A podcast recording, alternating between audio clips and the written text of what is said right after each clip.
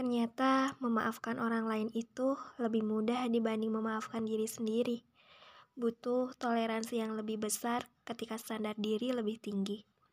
Begitu sulit ketika berhadapan dengan diri sendiri, karena menerima kekurangan adalah hal yang ditakuti. Padahal inilah yang mempersulit diri. Kamu boleh toleransi sama orang lain, tapi kamu juga harus kasih porsi yang sama buat diri kamu sendiri. Kalau kamu bisa maafin orang lain, kamu juga harus bisa lebih maafin diri sendiri.